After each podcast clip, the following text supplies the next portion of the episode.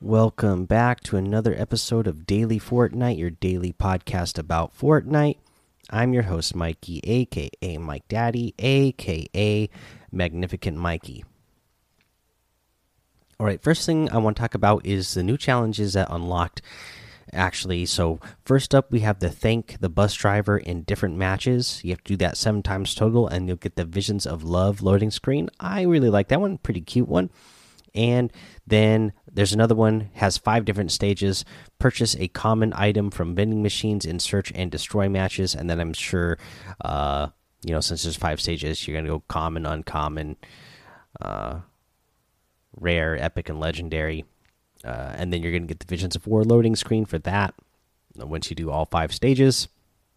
So there's those. So now we've covered challenges. Now I want to uh, get that into the actual news. So for news, uh, we have more of the of this uh, search and destroy tournament going on. So uh, we kind of talked about it. So one is called FaZe the FaZe search and destroy practice tournament, and then the one that is coming tomorrow is the 100 thieves search and destroy practice tournament. And now I've seen some leaks for the names of future tournaments, but they're all different organizations or big time um, content creators of Fortnite. So again, it's kind of weird. these search and destroy tournaments kind of came out of nowhere. Not knowing really much about them, I don't see any prizes for these or anything. They're just one day tournaments, and uh, I guess it's just for bragging rights, like the first uh, cups that ever happened in Fortnite were, like the ones that uh, I used to compete in well, no, I didn't really compete in, but that I participated in when they first started doing them. Uh, you know, I yeah, I don't see any prizes listed for these or any sort of connection. Just the fact that they're happening and that they are connecting them to organizations and content creators. And again, I think this is a great thing for the competitive side of Fortnite and the fact that they're taking it seriously the fact that the practice Discord server is uh, hosting these on their on their Twitch stream, as well as you know you can go watch the individual player streams themselves as well. But that there's an actual place that you can watch uh, tournaments, you know, hosted by casters. Uh, I think it's it's a great thing. This is not something that we've seen from Fortnite in the past, and moving forward for the competitive community, I think this if this is something that they're going to continue to do, uh, the the future is really looking bright for Fortnite and for the Fortnite community, especially the competitive community. You know, uh, I'm just I'm loving what I'm seeing right now in that aspect of it. I haven't actually watched any of the tournament itself, but just you know from the outside looking on the very edge of things and seeing uh, the way things are being done right now, uh, I'm a big fan of it and a big fan uh, of this going forward. So I'm hoping this is something that continues because uh, you know the the community is what's really going to keep Fortnite alive for a long time. It's not going to be the fact that they have a great game because you know, there's plenty of great games that over time they start to die out. But if you have a strong community and you give the community something to be excited about and give them more access and power to it, uh, that's that's going to help keep it strong uh, and going for a long time. Uh, but let me know what you guys think. Have you have you played in any of these? Uh, if you are trying to play in these, here's the deal: uh, you do need six players. So uh, it's not something that you can fill on. And the search and destroy, you need six players to play. So the search and destroy tournaments located under the compete tab in game require a full party of six before attempting to matchmake. So it's they are treating it like a true competitive uh, tournament, just like any of the other tournaments that they've done in the past. That you, there's no random fills. If you're playing in an actual tournament, you are going to need uh, an actual team to play. Uh, but yeah, uh, so there's that, guys. That's all the news. Again, it's the weekend. Uh, lately, this last few months, there's haven't been a lot of news on the weekend, so that's all I got for you. We're gonna come back after the break and we'll go over the item shop. All right, let's take a look at what's over in the item shop today.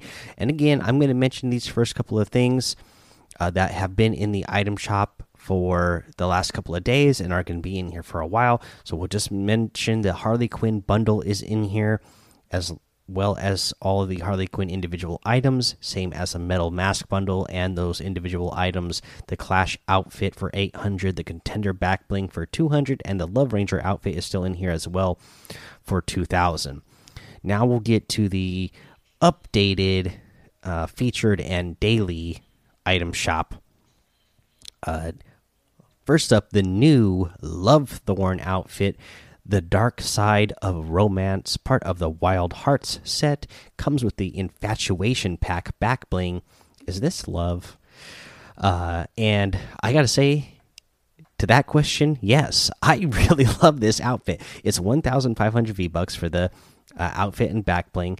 Uh, you know, wearing like a skin tight uh, bodysuit uh, that has a big you know it's a, it's a pink suit with a purple heart in the middle. You can spin the outfit around and the the the hearts inside the inside the outfit. It's almost like it's like a like the body's made out of gel or something you know because you could see it, it's tran the body is transparent and you can kind of see little decorations throughout uh, the body. So it's pretty cool. White mask. I like this uh, thorn mask that they got going on.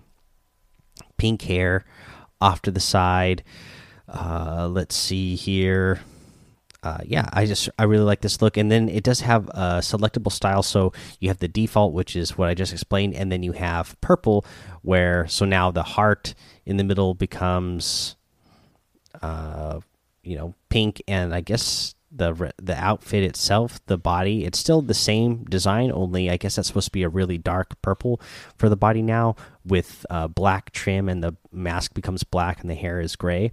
Uh, pretty cool. I'm a big fan. I really like it. You know, you got the same uh, deal for the back bling, where the back bling is a heart, and you can either have the you know pink heart with a dark purple heart in the middle, or the purple heart with the bright pink heart in the middle. So, uh, pretty cool outfit I gotta say, I'm a fan of it. Again, 1,500. We have the Bush Ranger outfit with the buzzy back, with the buzzy bag back bling back in the item shop. This is 1,200. The Honey Hitters harvesting tool for 800.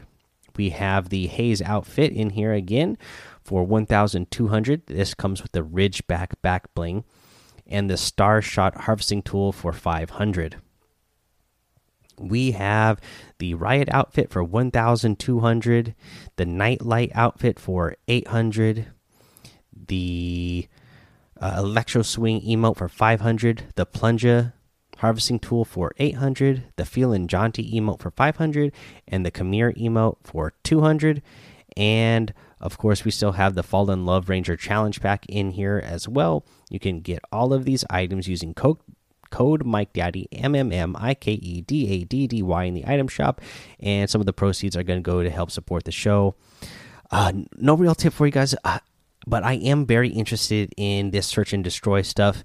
Uh, as we said yesterday, you know, uh, with these maps uh, and limited build, there is ways to get to some areas that can help you camp and, um, you know, get some el eliminations that way. Uh, again, in these type of games, uh, communication is key. Uh, we've talked about a lot about com communication in the past, especially at the beginning of this epi uh, of this podcast. So, uh, really be aware of what's going on around you and help your teammates be aware of what's going on around them by using callouts uh, to help each other uh, be successful and uh, you know try to get together a group. I, it's hard to get six people to uh, to play together randomly, um, but try to try to do it and and participate in some of these. I think it sounds like a lot of fun. It looks like a lot of fun, um, so it should be a lot of fun.